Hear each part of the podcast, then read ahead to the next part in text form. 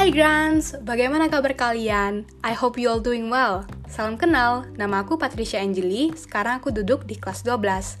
Hari ini, aku akan menemani kalian dalam podcast yang membahas tentang gimana sih cara melawan rasa malas belajar versi aku. Nah, aku yakin banget rata-rata atau bahkan semua Grants yang lagi dengar podcast ini pasti setidaknya pernah kan berada di fase males belajar.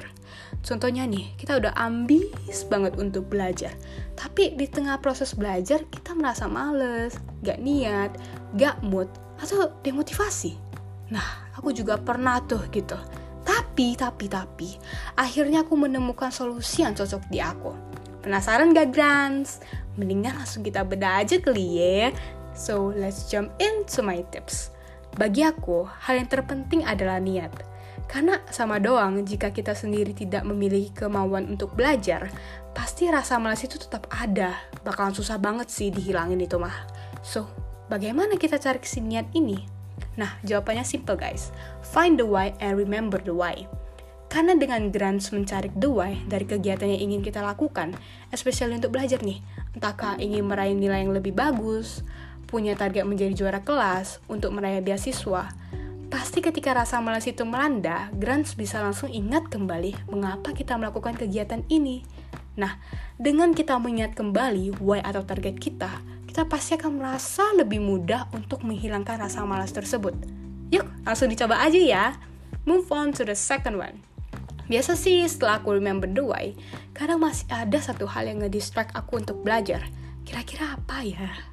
Aku tebak pasti jawaban kita sama.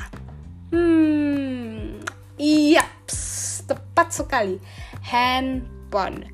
Kadang ada notif yang muncul, teneng. Pasti langsung penasaran gak sih? Kayak langsung pengen ngecek gitu. Siapa ya? Siapa ya? Hmm, aku punya nih tips yang ampuh banget di aku. Jadi kalau misalnya tiap kali aku udah mau mulai belajar atau ngerjain PR, aku selalu taruh handphone aku di tempat yang susah aku jangkau. Atau yang bahkan gak kelihatan gitu guys. Contohnya nih, di atas lemari buku atau di laci. Karena kalau misal HP itu nggak ada di dekat kita, kita jadi memerlukan usaha yang lebih untuk mengambilnya gitu. Nah, kalau misal aku udah dihadapkan dengan kondisi seperti ini nih, biasa aku udah keduluan mager gitu nggak sih guys? Kayak mendingan udah deh, aku duduk aja sambil ngelanjutin tugas aku gitu.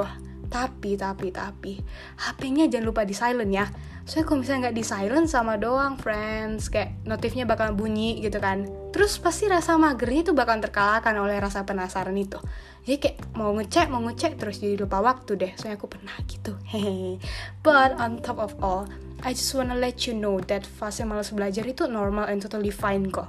We're also human, right? Jangan merasa bersalah for not doing anything in a day. Because you don't need to be productive every day kok. Take a rest if you need that. Because you deserve that.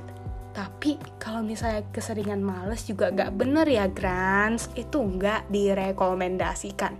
Sekian dari aku, semoga membantu ya. See you in another episode. Bye-bye.